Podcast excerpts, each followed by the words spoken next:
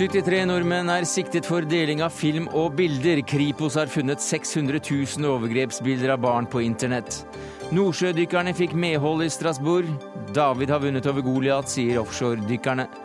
At fastleger skal få reservere seg mot henvisning til abort, skaper debatt. I dag var det åpen høring på Stortinget. Økonomistudiet skaper egoister, mener filosof, som selv underviser på økonomistudiet. Den kjøper vi ikke, sier økonomene selv.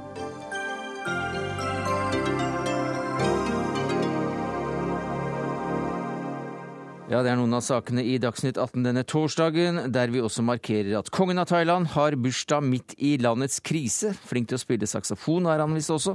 Men først skal vi snakke om været. For Stavanger sentrum er stengt, og du er i området, reporter Hanne Høyland. Hvordan er situasjonen? Det stemmer. Jeg vet ikke hvor jeg skal starte. Situasjonen er veldig spesiell. Jeg eh, har kjørt fra Egersund og befinner meg nå i Bryne-området. Og eh, jeg må ærlig innrømme at jeg har nesten vært redd når jeg har kjørt. For det at vinden griper så vanvittig tak i bilen. Og jeg har sett skiltet har ligget på kryss og tvers. Og du har den der følelsen at det, Guri land, nå kan det godt være at noe bare fyker ut i veien, og du har ikke kontroll. Det er helt ville tilstander. Er det meldt om personskader? Så langt så har vi ikke hørt noe om personskader. Men eh, det vi vet er at det er utrolig mange som har mista tak, og båter har sunket. Folk har mista strømmen, og til og med politiet har trukket seg ut av Stavanger sentrum pga. situasjonen som er der at det er takpanner og diverse ting som stiger veggimellom. Så politiet har trukket seg ut av området? Til og med politiet har trukket seg ut av området, ja. Stanget av store gater i Stavanger sentrum. Og folk ber, å, ber om å holde seg inne eventuelt? Ja, alle bes om å holde, holde seg inne. Og det tror jeg folk gjør òg, for nå har jeg kjørt langs veiene, og det er lite folk ute, altså. Hvordan er situasjonen ved Sola lufthavn? Der har jeg forstått at det ikke går fly for øyeblikket. Eh, det samme med lufthavnen i, til Haugesund. Eh, der er verken busser eller noen ting. Eh, togene går sakte, jeg hørt. Og de sa inne i redaksjonen, folk som har jobbet der i 20 år, de har aldri opplevd en lignende situasjon her i Rogaland. Takk skal du ha, reporter Hanne Høyland. Reporter Dana Vanono, du har fulgt med på meldinger i dag, og hvilke råd gir politiet i kveld? Jo, det er som reporter Hanne Høyland sier, politiet i vest de har ett råd, og det er at folk ikke må gå ut. Eh, operasjon, operasjonssentralen eh, i Haugaland og Sunnhordland har fått inn eh, over 50 meldinger om gjenstander som flyr langs kysten. Så det er viktig at folk holder seg inne i disse områdene. Hvordan er kjøreforholdene rundt omkring i landet? Eh, Veitrafikksentralen opplyser om at alle fjelloverganger mot Bergen unntatt én er eh, stengt for øyeblikket. Eh, og så er det sånn at det regner nå oppå snø som har falt tidligere i dag, som gjør at veiene blir veldig glatte. Så anbefalingene derfra er å kjøre etter forholdene og ikke bryte sperringer. Har, eh, man har erfaring med at folk bryter sperringene hvis man vil komme seg fort av gårde. Det må man ikke gjøre. Takk skal du ha, Dana Vanono. Statsmeteorolog Jon Smits, eh, hvordan er været i vest nå? Det er fortsatt kraftig vind, særlig på kysten av Rogaland. Også over det flate Jærlandet og rundt Buknafjorden blåser det ganske kraftig. og Det blåser godt også med ja, sterk kuling til liten storm i en del av fjellområdene, så fjellovergangene har det nok vanskelig. Her går det en del snøbyger. Det går også byger langsmed kysten på Vestlandet, og etter hvert har temperaturen blitt så lav at det er stort sett mye hvitt i de bygene også.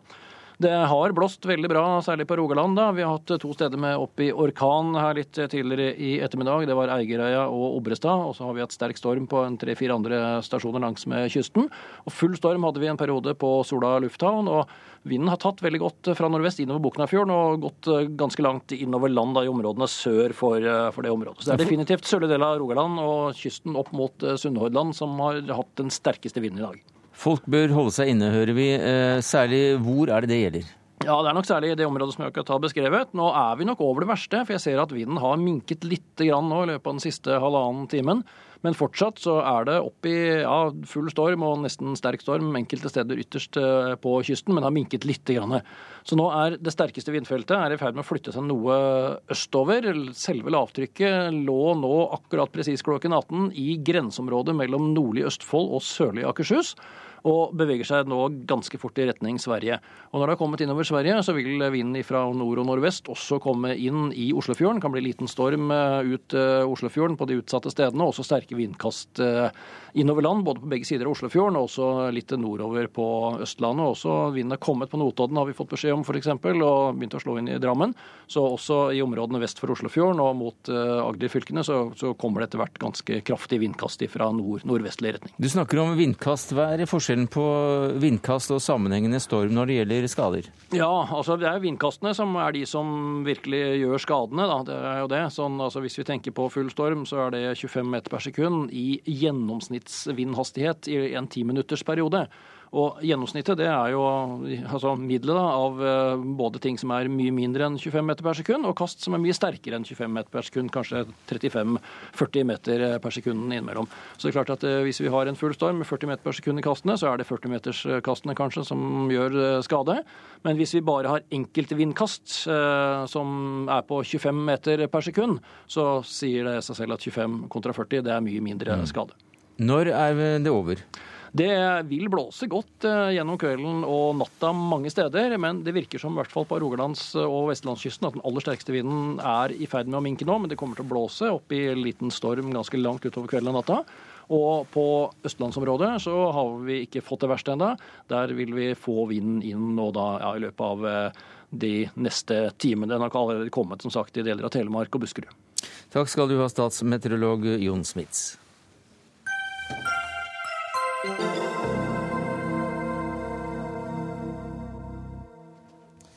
Storaksjon mot overgrepsbilder i dag. 73 personer fra hele landet er siktet, og leder for seksjon for seksuallovbrudd hos Kripos, Lena Reif.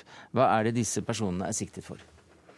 De er uh, sikta for å ha, ha lasta ned eller delt uh, bilder eller filmer som viser uh, grove seksuelle overgrep mot barn. Kan du si noe mer om det? Det er et uh, omfattende problem i Norge at uh, slike bilder og filmer deles. Og det er uh, grov krenkelse av disse barna hver gang et slikt bilde eller en sånn film deles. Så dette er et alvorlig samfunnsproblem. Hvordan har aksjonen gått til? Kripos har initiert aksjonen. Det er en nasjonal aksjon. Og vi har identifisert alle disse sakene, som nå er 68 i tallet. Og de sendes videre ut til eh, politidistriktene for eh, videre etterforskning. Og vi hadde en eh, felles aksjonsdag i går hvor de aller fleste sakene blei det aksjonert i. Kan du si noe om hvordan dere jobber for å få tak i disse 73 som nå er siktet? Ja, sånn I starten så gjør Kripos en kartlegging i, i denne gangen mot fildelingsnettverket Edonk i 2000. Vi vi følger med på nettaktiviteten og prøver å avdekke så mye som mulig av eh, seksuelle overgrep mot barn på nett. Eh, og det gjør vi på ulike måter. Denne gangen var det mot fildelingsnettverk. Eh, og hvordan vi rent teknisk gjør det, tror jeg ikke vi skal gå inn på, men dette er noe vi følger kontinuerlig med på. Målet for denne aksjonen går utover akkurat å, å få disse 73 eh, siktet. Hva er det dere tenker på da? For det første så er den viktigste jobben å avdekke fysiske overgrep eh, mot barn og avverge den situasjonen de, de står i. Eh, dernest er det å forebygge, så at ikke barn blir utsatt for seksuelle overgrep. Og også det å bli bli um, krenket ved at bilder som viser at de er utsatt for overgrep, spres igjen og igjen. Det er en uh, grov krenkelse av deres rettigheter. Er det noe fellestrekk uh, å se blant de siktede, bortsett fra at de har vært i besittelse av ulovlige bilder? Det er ikke noen fellesnevnere eller noen linker mellom de foreløpig. De har brukt den samme fildelingsklienten. Uh, og Materialet er grovt. Det aller meste er eh, seksuelle overgrep mot barn under ti år, eh, og av eh, særdeles grov karakter. Hvem er barna? Barna er barn fra hele verden. Bildene sirkulerer på internett, så er, internett er grenseløst. Det fins også dessverre noen norske barn i materialet, og disse er identifisert i tidligere saker. Men dette er barn fra hele verden. Noen av de siktede har selv ansvar for barn, omsorgsansvar for barn? Et av kriteriene våre i utvelgelsen er hvorvidt de har eh, egne barn eller har tilgang til barn gjennom eh, arbeid. Eh, så noen av disse sikta de har, har tilgang på egne eller andres barn, ja. Leder av Norgesprogrammet i Redd Barna, Janne Rånes. Hvem er barna som blir utsatt for denne type kriminalitet? Nei, Det vet vi jo ikke så veldig mye om. Eh, men det vi vet er at det her er barn som eh, opplever overgrep som begås av folk de har et nært forhold til. Det er dessverre sånn at mye av det her eh, skjer av foreldre eller folk som kjenner barna. Dette er overgrep som dokumenteres i barnas egne hjem.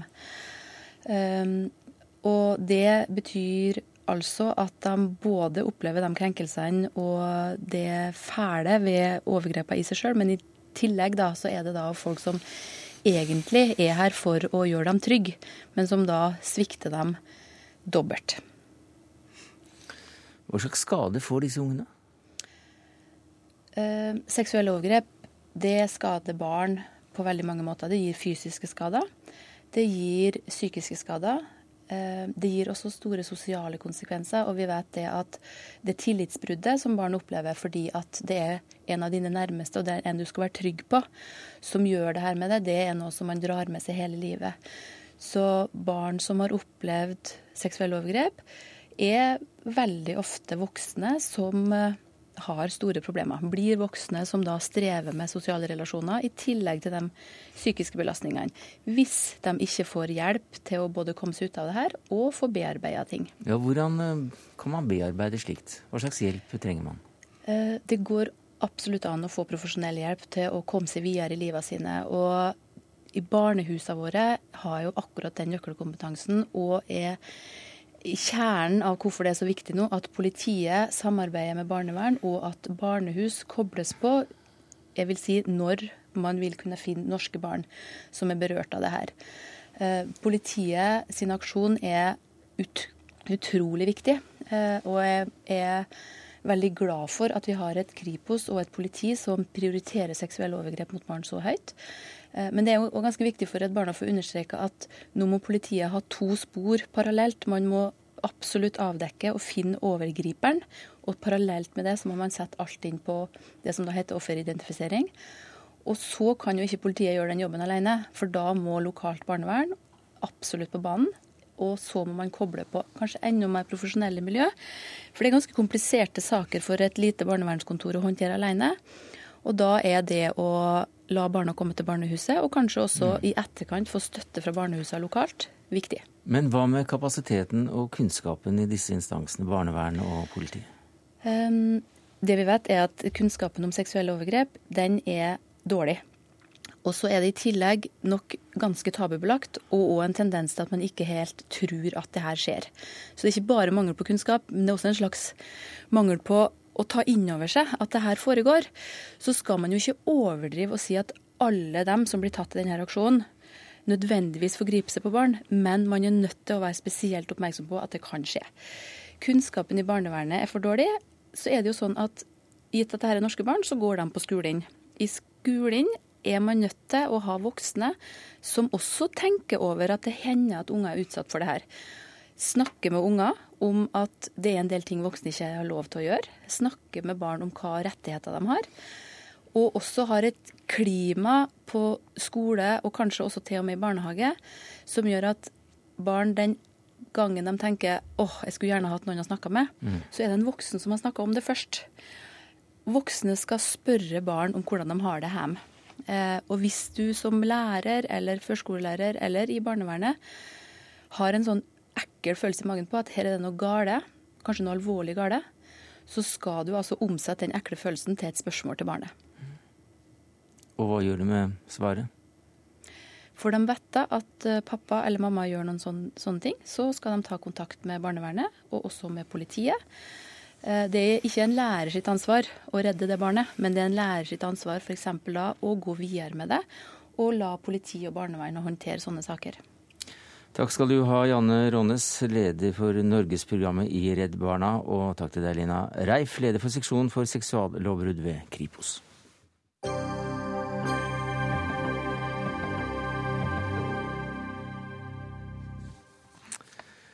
Gratulerer med dagen, Henning Haug. Tusen takk. Leder i Offshore Dykkeunionen. David har også vunnet over Goliat, som dere sier. Ja, vi føler det sånn. Nordsjødykkerne fikk i dag medhold i menneskerettighetsdomstolen i Strasbourg. Og hva betyr denne dommen for eh, pionerdykkerne? Det betyr uendelig mye. Eh, ikke minst at, eh, at vi er mange som kan rette ryggen. Eh, det, har, eh, det er jo du, både dykkere, familie og etterlatte som eh, nå føler at de har fått gehør for at rettferdigheten har seire. Ja, Hva slags seier er dette, Katrine Hellum Lille Engen, du er advokat i LO? Ja, dette er jo en seier for dykkerne spesielt, men, men også for arbeiderne på europeisk plan. Vi kan alle glede oss over en nybrottsverk fra, fra menneskerettighetsdomstolen i Strasbourg, eh, som, som, sier at eh, staten har begått urett eh, mot dykkerne i denne saken, eh, og at også yrkesrisiko er omfattet av den europeiske menneskerettighetskonvensjonen. Noe som er ganske nytt og fantastisk bra for arbeiderne. For hvor lang tid har denne saken pågått? Nei, Den har pågått forferdelig lenge. og Hadde ikke vært for, for den pågangsviljen som, som, dykkerne har vist, eh, og eh, drevet fram, fram, advokater og politikere, så hadde jo ikke denne saken eh, kommet dit den er i dag. Den har, det har holdt på siden Lossius-kommisjonen, som ble oppnevnt av Stortinget, kom med en rapport i 2003 Eh, hvor de konkluderte med at eh, det var en del forhold som var kritikkverdige eh, under nordsjødykkingen, pionerdykkingen på 70- og 80-tallet, og med at dykkerne burde kreve sin rett mm. til erstatning. Og så satte dykkerne i gang med forhandlinger med politikerne for å få til et erstatningsoppgjør og, og en ansvarserkjennelse. Det sa politikerne at det måtte de gå til domstolene for å få en vurdering på. Og dermed så satte hele bøtteballetten i gang. Eh, I 2005 så ble det tatt ut søksmål for Oslo tingrett, hvor, vi, hvor, dere vant. Mm. Og dernest så tapte man jo saken i lagmannsretten og Høyesterett. Og så ble det klaga inn til Strasbourg i 2010. Og nå sitter vi altså i 2013 åtte år senere, eh, etter første, første rettssak startet. Men hva er det staten da er dømt for? Staten er dømt for at man ikke har sikret eh, dykkernes rett til, til eh, trygghet eller helse eh, i, under nordsjødykkingen. Og også informasjon. Og, Eh, informasjon, ja. Og det, og det, er på en måte det tiltaket som, som staten Det er slik at staten har en plikt til å sikre eh, menneskers helse, helse, og liv. Eh, og man har da som tiltak for å sikre det, når man er kjent med at det foreligger en, en risiko, så har staten plikt til å iverksette tilstrekkelige tiltak. Og her sier domstolen at staten de kjente til at det var dekompresjonstabeller som var eh, altfor raske ute i Nordsjøen. Eh, dette var jo fatalt og, og skadelig for dykkerne. Og, og, likevel eh, så satte de ikke en minstestandard, eller de ga ikke de ba ikke selskapene om å offentliggjøre disse tabellene, slik at dykkerne kunne bli kjent med hvilken mm. helsefare som var der. Henning Haug, det er da slik at staten er blitt dømt for å betale oppreising, 8000 euro eller hva det er, men ikke erstatning for de psykiske og fysiske skadene dykkerne har litt, eller det tapet av tapt arbeidsfortjeneste som har kommet eh, i kjølvannet av det? Nei, men med denne dommen så eh, er det norske politikere som må sørge for erstatningen. Det bør det ikke være noen tvil om. Nå skal jeg huske på at dykkere ble skadet ofte eh, i tidlig alder. La oss si at du ble skadet som 30-åring, og så mister du 30 yrkesaktive år. Mm. Og, og, du taper la oss si 500 000 kroner i året. Og, og mange av disse dykkerne sto uten diagnose helt fram til Haukeland-rapporten kom etter domstolsbehandlinga i Norge, som viste at veldig mange dykkere hadde hjerneskade. Og, og, det å stå uten diagnose og ikke kunne fungere i hverdagen, det, det medfører skam og er og en stor tilleggsbelastning for dykkere. Så nå, nå, bør staten kjenne sin besøkelse og gjøre opp med oss. Vi får staten inn her når dere har forlatt lokalet. Vi skal eh, snakke med han som er sjefen for, for det hele. Men dere har allerede fått en del penger. 2,5 millioner i erstatning og vel 200 000 i oppreisning. Ja da, og det var vel og bra, det. Det er, men det var mye, ikke nok? Det er mye penger. Men det utgjør ikke eh, mer enn eh, la oss si to tapte årslønner for en dykker.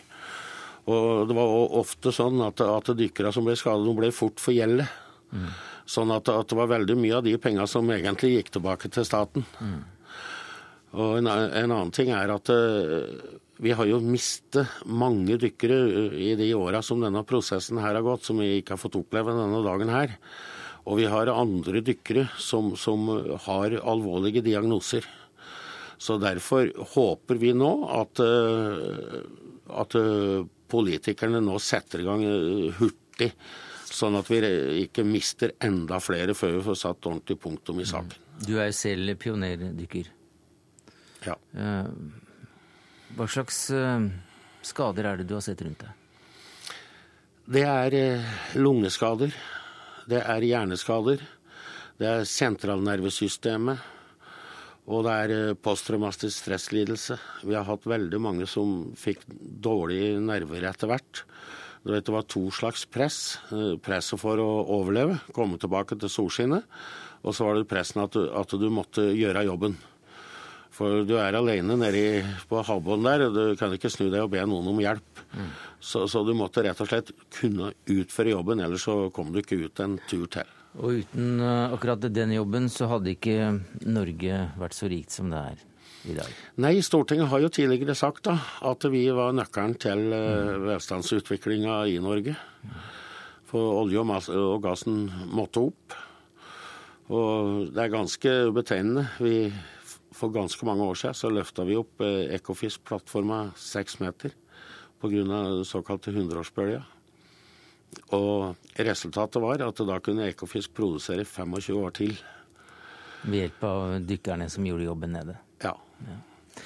Men eh, det er altså da sju personer, har jeg forstått, som dette gjelder sånn i første omgang. Men dere har 78 eh, stykker i gruppa di. Ja.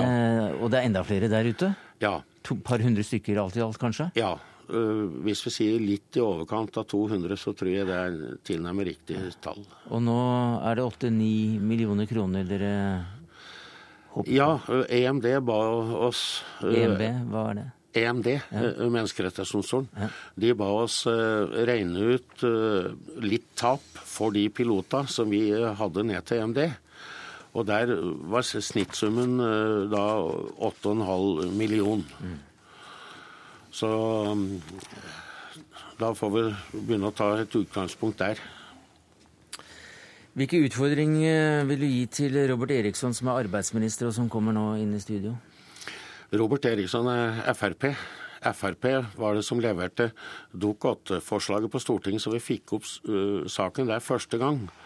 Frp har støtta oss hele veien og uh, sa før valget at, at med Frp i regjering så skal dykkersaken løses i Norge. Sånn at utfordringen for, til Eriksson det er å føre da Frp-politikk. Mm. For hvis de skulle snu nå, så da da vil det være en eh, umenneskeliggjøring, eh, for dette gjelder menneskeskjebner og liv og helse. Så da vil det være en umenneskeliggjøring av norsk eh, politikk. Mm. Takk skal du ha, Henning Haug, for at du kom som leder i Offshoredykkerunionen. Og takk til deg, Katrine Hellum Lillengen, advokat i LO. Ja, Robert Eriksson, arbeidsminister på vei inn i studio. En eh, Frp-er som ifølge da Haug her bare bør føre Frp-politikk, slik dere lovet å gjøre før valget. Hva sier du i dag? For det første så har jeg lyst til å si at regjeringa tar dommen til etterretning. Det innebærer at vi ikke anker, og at vi utbetaler de 8000 euro som dommen slår fast at nordsjødykkerne har krav på. Men det er snakk om 8,5 millioner i snitt? Ja, altså, også, Her har jeg lyst til å si at eh, jeg og Fremskrittspartiets eh, historie i saken Vi har hatt eh, stor sympati for nordsjødykkerne over mange mange år. Vi har fremma deres sak i en rekke ganger. ganger. Men nå er det i regjering. Hvordan vil de manifestere seg i praktisk politikk? Jeg er stolt og fornøyd over det varme engasjementet Fremskrittspartiet har vist overfor nordsjødykkerne. Mm. Jeg vil legge fram en sak for regjeringa på hvordan vi skal videre håndtere eh, saken i regjeringa. Det er mitt ansvar å gjøre. Sette saken på dagsordenen i regjeringa. Det ønsker jeg å gjøre raskt. Og 8,5 millioner som er snittet, det er ikke urimelig? Jeg vil ikke diskutere eh, beløp her. Jeg syns det er fornuftig at regjeringa får muligheten til å diskutere eh, dommen, sette seg godt inn i dommen, og ikke minst på en rask, effektiv, god måte finne ut hvordan vi håndterer den videre fremover. Eh, du kan jo ikke eh, ta ansvaret for eh, behandlingen av disse dykkerne fra 60-70-tallet. Du ble vel født akkurat i det oljeboomen var på vei oppover i Norge. Men når du ser på den historien som, som dette har, med gjennom rettsapparatet i Norge etc., hva tenker du da? Nei, Jeg skulle gjerne ha ønska at man kunne ha kommet fram til en uh, raskere beslutning i saken. Uh, det tror jeg alle sammen hadde ønska. Det er aldri et mål at saker skal bringes inn for Menneskerettighetsdomstolen. Uh, snarere tvert imot. Og så har nå Fremskrittspartiet sittet i regjering i sju uker. Og som sagt, disse sakene her starta i god tid før min fødsel, faktisk. Så, mm. så, sånn sett så kan jeg ikke ta ansvaret for det som har skjedd i, i, i fortid. Nei. Men jeg vil også understreke at, eh, at eh, staten har eh, tatt et moralsk ansvar i saken allerede, også tidligere, ved at man har allerede utbetalt 600 millioner kroner til 250 av, de, mm. av nordsjødykkerne. Eh, og så har vi fått dommen i dag, og som jeg ber om både respekt og, og forståelse for at det er behov for at uh, regjeringa setter seg godt inn i. Eh, diskuterer nøye hvordan vi følger det opp, og at vi får en, en, en rask behandling på det mm. og en vurdering på det i, i regjeringa. Jeg, jeg, ser her at nestlederen din, partifelle Per Sandberg, er mer utålmodig. Han ja, mener staten bør punge ut.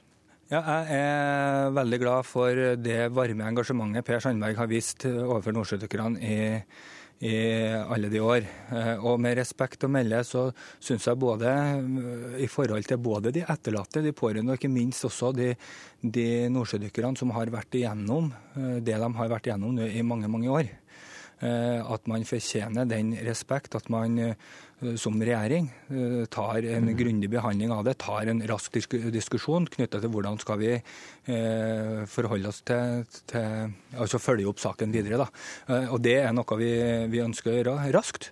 Og med raskt så mener jeg at vi skal ikke skyve det foran oss, men at vi har allerede igangsatt et arbeid på det.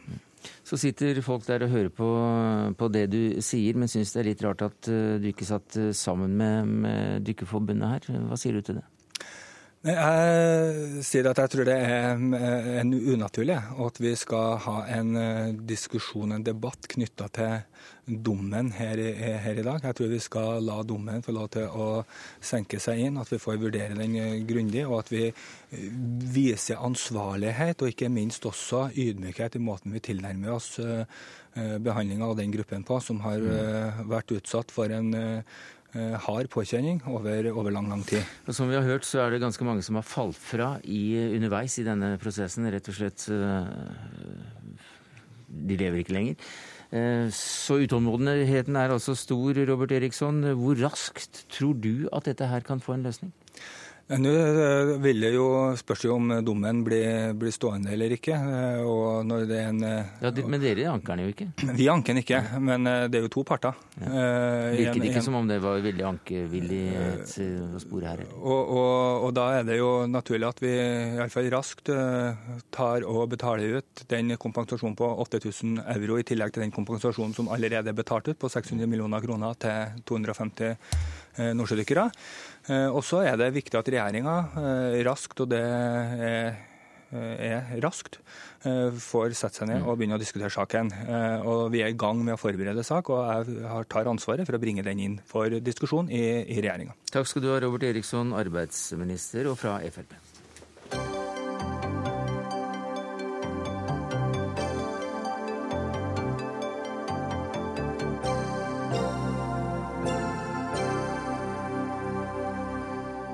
Ja, Debatten om reservasjonsrett, eller reservasjonsmulighet som regjeringen vil kalle det, er eh, tilbake. Torgeir Micaelsen, andre nestleder i helse- og omsorgskomiteen i Arbeiderpartiet. Du var selv med på å ta initiativet til høringen i Stortinget i dag. Hvorfor var det nødvendig?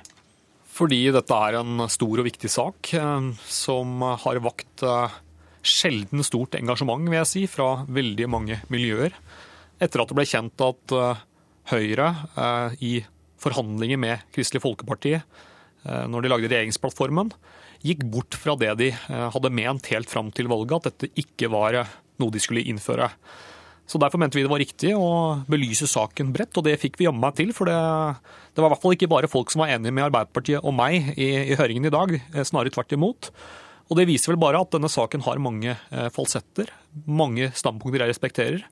Men når vi til syvende og sist som folkevalgte da skal gjøre oss opp en mening om hva vi skal lande på, så mener jeg at den eh, svakeste parten, som i dette tilfellet vil være pasienten eller kvinnen, i en ofte sårbar, vanskelig eh, krise eh, Man går gjerne ikke og planlegger at man skal bli ufrivillig gravid. Da må det hensynet veie tyngre enn private meninger som en enkelt fastlege har. og Derfor mener jeg at det ikke er riktig å innføre en sånn reservasjons ja, nå har det fått mange navn da, etter at uh, helseministeren heter nå Bent Høie. Nå heter det reservasjonsmulighet, uh, reservasjonsadgang. Jeg kaller det reservasjonsrett. Selv etter høringen så er jeg overbevist om at det er det riktige standpunktet. Olaug Bollestad, stortingsrepresentant for KrF, medlem av helse- og omsorgskomiteen. Hva fikk du ut av høringen i dag? For det første er jeg veldig glad for at det er høring. Eh, jeg var skeptisk i begynnelsen, men jeg tenker at det er ufattelig vanskelige spørsmål. Jeg tror det er viktig både at vi får høringen i helse- og omsorgskomiteen, men jeg tror det er viktig at vi snakker sammen ute òg om hva dette egentlig dreier seg om. Og jeg som har jobba i Helse-Norge i mange mange år, tenker at uh, dette handler om mye mer enn henvisning til abort. Til sjuende og sist. Det handler om samvittighetsfrihet for leger, og om de har en reservasjonsrett. Det betyr ikke at det er en omkamp om abortloven. Det betyr ikke at kvinner ikke skal bli godt mottatt. Det betyr ikke at de skal bli tråkka på. De skal bli tatt imot. Ikke sånn, men med armen rundt dem, fordi at de trenger det. Men samtidig så må det være mulig å ha to tanker i hodet på en gang. Og tenke at vi har òg en legestand hvor noen har en refleksjon over at dette for deg er galt. Og da må vi kunne legge til rette for at kvinner får god hjelp, men at vi òg mm. ivaretar mange av disse legene. Og det mener jeg har vært mulig i 30 år, og det er mulig framover òg. Eh, nei, jeg er ikke enig i dette. Stor respekt for at KrF mener dette. De mener eh, tross alt det samme som de gjorde før valget. Det er Høyre som er problemet, fordi de har snudd eh, i denne saken uten å opplyse det til velgerne. Jeg mener at jeg har stor respekt for at man kan ha samvittighetskvaler i, i mange spørsmål. Selv har jeg også det. Altså, jeg syns mange spørsmål er vanskelige. Men når du er fastlege, så er du det vi kaller portenåpneren til helsevesenet i Norge. Eh, du er utdannet i, i det offentlige, du er eh, si, lønnet for å gjøre noen, et oppdrag på vegne av samfunnet. Og heldigvis har vi i det moderne Norge kommet til at kvinners rettigheter på en del felter, bl.a. rett til selvbestemt abort, prevensjon og andre ting, er noe mm. Stortinget har vedtatt. Da mener jeg at de som er satt til å gjøre denne jobben, må gjøre det. Hvis ikke så finnes det veldig mange andre spennende yrker eh, man mm. kan utdanne seg til. Og er man lege, så er det jo også veldig mange andre spesialiteter der du aldri opplever mm. disse spørsmålene. Og Problemet er altså ikke KrF ifølge Arbeiderpartiet, men det er Høyre, Bent Høie. Du er helse- og omsorgsminister fra akkurat dette partiet. Hva sier du til det? Nei, Jeg eh, mener at eh, det vi har kommet fram til sammen med Kristelig Folkeparti og Fremskrittspartiet, ivaretar det som Høyre har vært veldig opptatt av, og som jeg også oppfatter de partiene har vært opptatt av, nemlig at Eh, vi ikke skal eh, svekke kvinnenes mulighet til selvbestemt abort, men tvert imot sørge for at kvinner får bedre informasjon, bedre muligheter til å sikre seg god veiledning, men samtidig ivareta noen leger sitt ønske om å ikke eh, henvise til abort. Eh, og Det baserer seg jo på et standpunkt som disse tre partiene alltid har delt, nemlig at eh, den reservasjonsretten som vi har i spesialisthelsetjenesten allerede, som jeg ikke oppfatter er omdiskutert, handler om at vi ønsker helsepersonell som har rom og mulighet for å ha en etisk refleksjon rundt sin eh, virksomhet. Mm. Men for Høyre så var det ikke mulig å gå inn for en generell reservasjonsrett som har vært praktisert i Norge så lenge vi har abortloven, nemlig at legen sjøl definerer omfanget og innholdet i reservasjonen.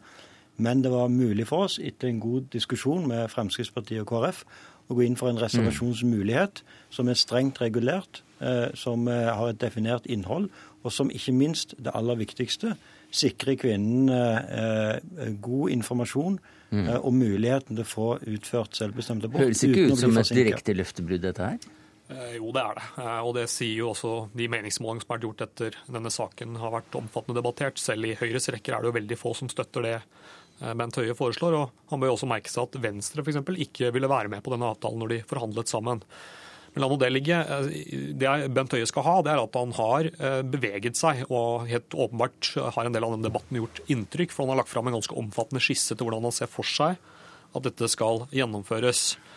Det jeg mener han undervurderer, det er at han kan ikke garantere at det er jenter og kvinner som vil oppleve ubehageligheter, selv om man legger igjen så mange praktiske og formelle hindre. F.eks. vil det være sånn at eh, kvinner må kunne holde seg oppdatert på et sted som heter Helfo. Eh, for å være helt ærlig, Det hadde ikke jeg hørt om selv etter åtte år på Stortinget, før jeg ble medlem av helse- og omsorgskomiteen. Eh, det kan ikke være sånn at jenter som ikke går rundt og planlegger at de skal bli ufrivillig gravide, må tenke seg om når de får et brev i en postkasse med beskjed om at det er en lege som har bestemt at det du på et tidspunkt kanskje vil oppleve, det er noe jeg tar avstand fra eller jeg ikke kan akseptere. Og Derfor kan jeg heller ikke hjelpe deg hvis du kommer i den situasjonen. Og Jeg vil spørre helseministeren. Jeg skjønner at dette er en vanskelig sak for deg og for Høyre, og jeg skjønner at dere prøver å måtte, ramme dette inn så godt som mulig. Men kan du garantere at selv med det nye systemet, så vil ingen kvinner oppleve å møte en lege som har reservert seg på en uverdig måte? Det jeg kan garantere, er at eh, kvinner kommer til å få en betydelig bedre rettssikkerhet enn det som har vært praksis i Norge siden abortloven ble innført. For da hadde kvinner ingen mulighet til å få denne informasjonen i forkant. Nå vil det være sånn at alle leger som benytter seg av reservasjonsmuligheten, da vil alle pasienter få informasjon om dette. På nettstedet der en velger fastlege, vil det være informasjon om dette. Og dessuten så vil en være sikra en avtale gjennom kommunen om at de kvinnene som da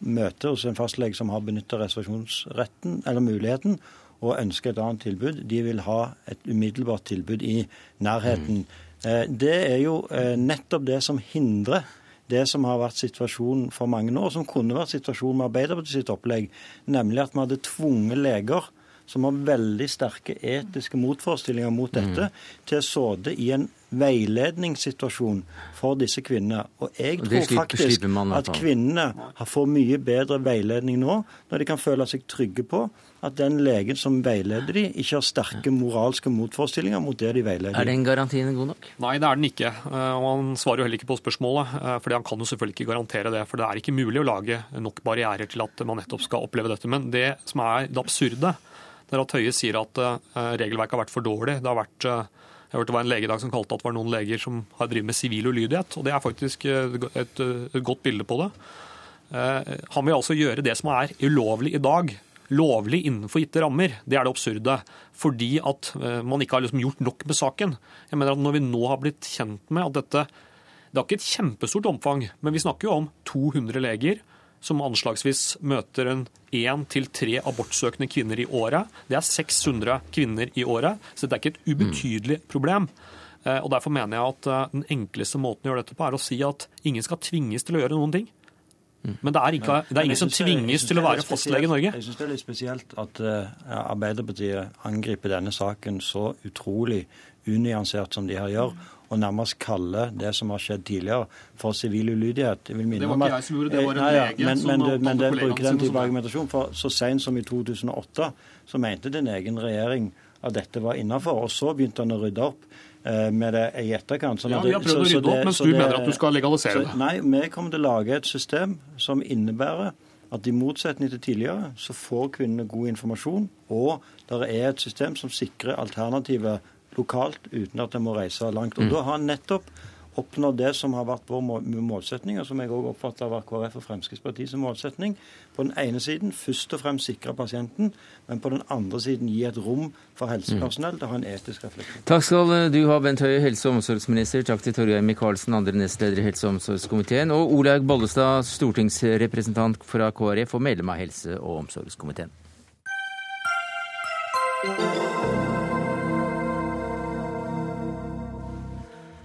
Aftenposten la ut 20 lommebøker i Oslo-området for å sjekke hvor tillitsfulle nordmenn er, og hvor mange som da leverte dem tilbake. Og resultatet?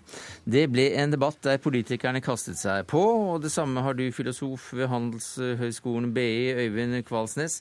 For du skriver i et innlegg i den samme avisen denne uka at økonomistudiet ser ut til å forsterke og oppmuntre en egoistisk selvforståelse.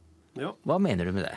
Eh, nei, dette har eh, vært tema ved handelshøyskoler rundt omkring i hele verden eh, de siste 15 årene, egentlig. Så Ja. jeg har kikket tilbake på en del av de studiene som er gjort, og de er ganske entydige i retning av at det er noe med økonomifaget og måten det har vært undervist på, som skaper og forsterker egoistiske trekk hos studentene. Ja, hvordan da? Eh, en, studie har gått ut på å spørre studenter i mange forskjellige fag eh, ulike spørsmål. F.eks. når du er på restaurant og får god servering, betaler du tips da? Det er vanlig å gjøre det. 10% tips. Og de fleste studentene svarer ja, det gjør jeg. Eh, men, og så spør de de samme studentene ett år senere, og da har økonomistudentene ombestemt seg. Da svarer de nei. Og I mellomtiden så har de lært at hva er vitsen med å betale 10 som det, du ikke trenger å betale. Mm. Men hvilket tankegods er det som ligger i bånn her, da? Ehm, Det er nok det som kalles for eh, homo economicus-tanken. At eh, mennesket innerst inne er et egoistisk vesen og mest opptatt av å karre til seg så mye som mulig for seg selv. Eh, Og det er akkurat det, den antakelsen der som vi begynner å stille spørsmål ved rundt omkring eh, ved skolene nå. Ja, For dette er ikke bra? Det er slett ikke bra. Eh, og, og jeg tror at eh, sånne teorier om mennesket de kan bli selvoppfyllende. Altså Vi kan ha teorier om planetene som er helt feil. Det gjør ikke at planetene endrer bane eller noe sånt. Men hvis vi har egoismeteorier om mennesker, så kan det fort bli selvoppfyllende. Fordi studentene våre begynner å føye seg etter teorien. Så det er det jeg har prøvd å sette søkelys på. da. Hva sier du til dette, administrerende direktør i Norske økonomers interesseorganisasjon, Tom Bolstad? Ja, dette er litt trist, syns jeg. For det, dette er gamle stereotyper i forhold til hvordan eh, man oppfatter økonomer.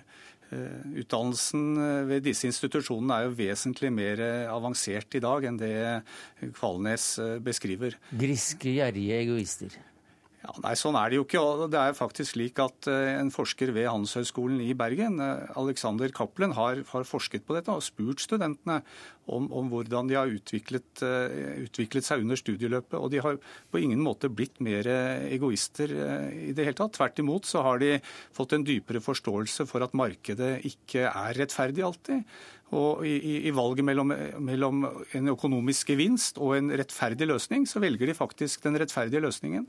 Så dette, dette stemmer iallfall dårlig med den norske hverdagen og det norske undervisningssystemet for, for høyere utdannede økonomer. Det Kan ikke være slik det at eh, det er eh, folk som scorer eh, litt høyt på akkurat disse egenskapene, som søker seg til disse studiene?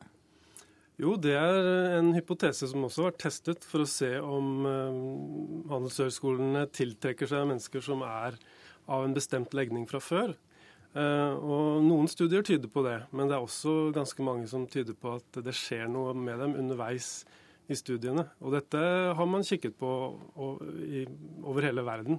Så, eh, så det er ganske håndfast empiri på at eh, det er en sammenheng her. Men du hører at eh, økonomene kjøper ikke den teorien din? Nei, Det som er spennende, er jo at det finnes økonomer bl.a. i Bergen og i Oslo som begynner å revidere sitt menneskesyn og begynner å, å presentere alternativer, og det er jo veldig positivt. Eh, Men det skjer ikke av seg selv. Det, det skjer fordi det er blitt en gryende oppmerksomhet på det, og det skjer et press utenfra som gjør at, eh, at eh, skolene rett og slett må ta dette alvorlig. Men er det ikke en, en bra egenskap for en økonom å, å ha en viss grad av mistillit til verden omkring seg? En skal jo handle rasjonelt. Ja, jeg tror ikke de har mistillit eh, til, til, verden rundt seg. Jeg tror heller ikke verden rundt de har, har veldig stor mistillit til, til økonomer. Og, jeg, og, det er også en, en misforståelse ute og går her. At eh, fordi man studerer disse modellene, som kanskje vær, kan være med, med skylapper og være ensporede, så er det ikke dermed sagt at de som tar denne utdannelsen, blir som modellene de, de lærer. Det, en, en, naturviter som leser Darwin, blir jo ikke eh, en, så, så veldig opptatt av den sterkeste rett fordi han har en, en utdannelse som bygger på, på den type modeller. Så ja, men Dette snakker jeg med professorer i økonomi om, og de sier også dette at uh, dette er bare modeller. Og studentene skjønner forskjellen på virkeligheten og modellene. Men uh, når jeg snakker med studentene, så, så, så, strever de med å se den forskjellen. Og, og det er som sagt ganske håndfast uh, belegg for å si at de blir påvirket i atferden sin av av den teorien de blir eh, presentert for. Da. Nei, for, for, meg er det egentlig bare nok å se litt på samfunnet, samfunnet, rundt oss. Det er veldig mange økonomer, og det er veldig mange som søker den utdannelsen. Og du har økonomer i, i humanitære organisasjoner, i, i, Amnesty, og du har, du har toppøkonomer, eh, Helge Lund i, i Statoil. Og, og det å, å, si at disse er, er, kyniske og bare tenker uh, snevert økonomi, det, det blir for, for enkelt for meg. Men også, det som skjer, det er jo at du stigmatiserer jo faktisk en, en hel yrkesgruppe her. En, en, yrkesgruppe som du til alt overmål er, er, er, med å utdanne selv, som lærer på, på BI. Ja, ja, men jeg er den første til å underskrive på at men, økonomer kan være ålreite uh, mennesker. Jo, jo. Eh, og jeg sier ikke at de er Altså, de, de er mer kyniske ikke bare kyniske, men mer kyniske og, og det, mer og selvsentrerte enn en det andre er. Også, og det holder som et trekk man bør være litt obs på? Definitivt. Ja, eh, Man skal selvfølgelig være obs på, på, utviklinger i samfunnet. Og, og, det som Kalnes påpeker, eh, mistro og, og, og, skepsis til ledere. Men jeg tror det, det egentlig er et sunt trekk i, i samfunnet. At man stiller eh, kritiske spørsmål, også til økonomer eller andre høyere utdannelser, i forhold til det, hvordan de fungerer i samfunnet og hvilke, hvilke retning de beveger samfunnet. Så det, det har jeg ikke noe problem det, det, er et sunt samfunn som mm. stiller disse spørsmålene. Men eh, Kvalnes, hva bør, eh, hva bør konsekvensene av denne viten bli, da? At vi må skygge økonomer? Må... Nei, jeg tror vi må se nærmere på hva er det vi lærer økonomistudentene. Vi må kikke vi, vi, kan ikke bare tilføye etikkurs i, i, på pensum. Vi er også nødt til å se på hva slags menneskesyn vi presenterer for dem. Fordi vi har altså belegg for at det menneskesynet vi forteller dem om, det tar de til seg, og det føyer de seg etter. Rasjonell økonomisk tenking, eh, nyttemaksimering. Ja, og en konsekvens av det er å, å gjøre en rettferdig handling eller gi noe til noen andre fremstår som en irrasjonell handling. fordi at du i utgangspunktet skal Det rasjonelle er å tenke på seg selv. Eh, så det er en brytning her som gjør at, eh, at vi må utfordre de, de ideene. Mm. Ja, det, ja, Dette er jo modeller, selvfølgelig, eh, og, og de er jo mer, vesentlig mer avanserte. Og, og, faget er under utvikling, så man tar jo ikke bare hensyn til de økonomiske eh, mennesker, men også sosiale, økolog, økologiske vurderinger legges jo også til grunn og inn i disse modellene på, på disse lærestedene. Så, så, man ville jo gi en veldig dårlig utdannelse, syns jeg, om, om, man eh, var så firkantet og ensporet i forhold til å, å, å, å mm. levere denne kompetansen ut i samfunnet. Og jeg tror hvis det hadde vært så ensporet, så hadde ikke de som har tatt den utdannelsen, hatt så, så, flotte karrierer og besittet så mange gode, gode, posisjoner som de gjør i samfunnet. Kvalnes, er du en eh, populær mann på BI? Om jeg er det? Ja, ja jeg tror det. ja, så du har ikke fått noe yrkesforbud pga. disse Neida. tankene? Nei da. Takk skal du ha, filosof, Handelshøyskolen B, Øyvind Kvalnes. Takk til deg, Tom Bolstad, administrerende direktør i Ekona.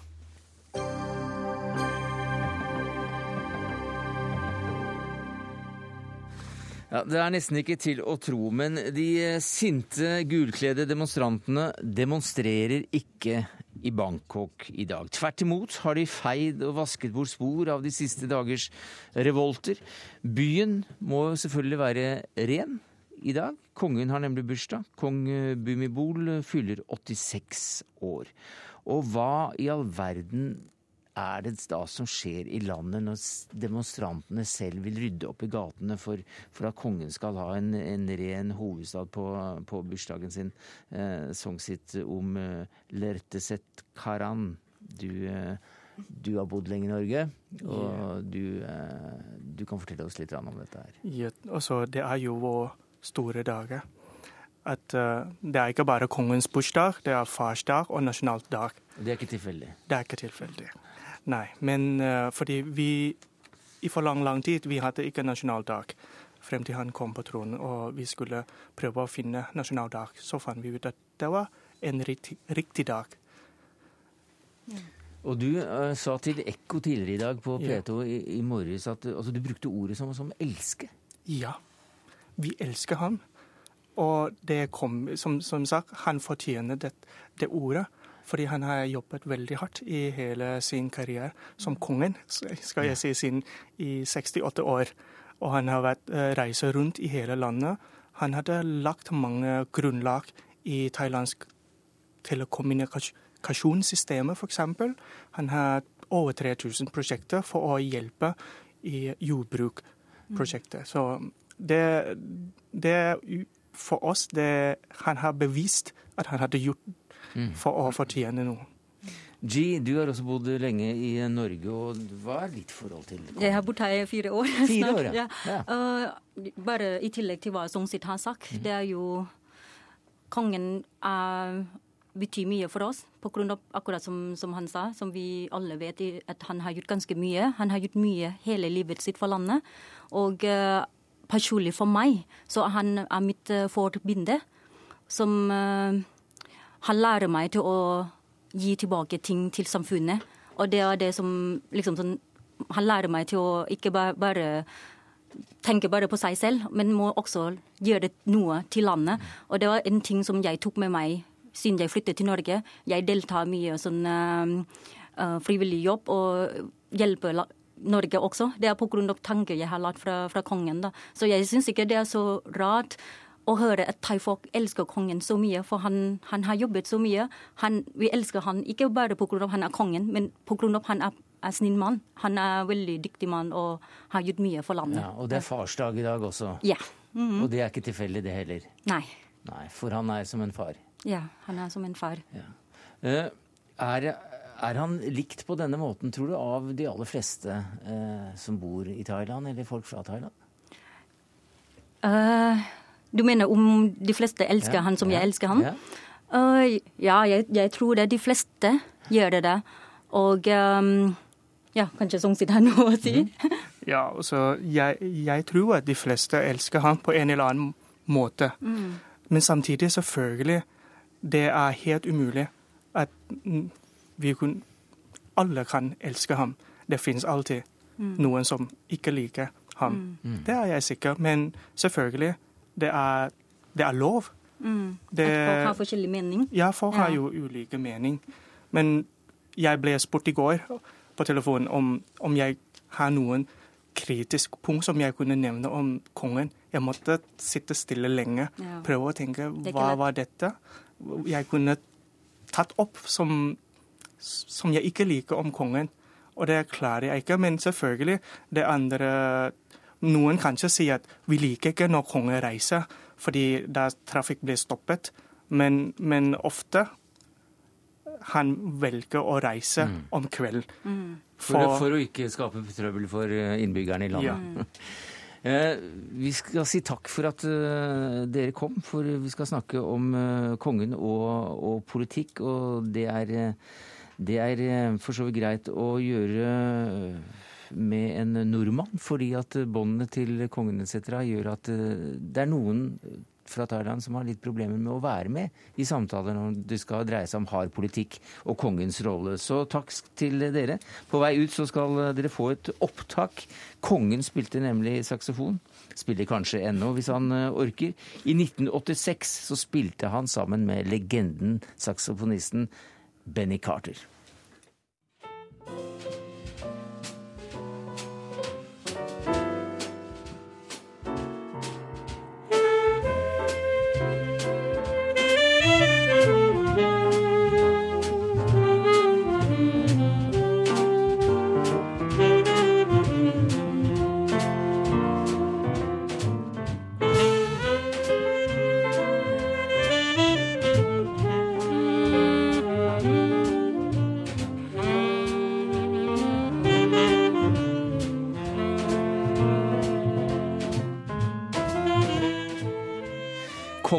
Altså en habil jazzsaksofonist. Det er kanskje ikke alle som vet at han i nesten 40 år hadde ukentlige opptredener i thailandsk radio, og ryktene om at han fikk fløyet inn de kuleste catsene fra, fra New York, de beste musikerne, for noen dagers jamming i palasset, ja, de ryktene lever videre. Stein Tønneson, du er seniorforsker ved PRIO, og dette er ditt område. Nå har du sittet og hørt eh, to thailendere snakke varmt om kongen.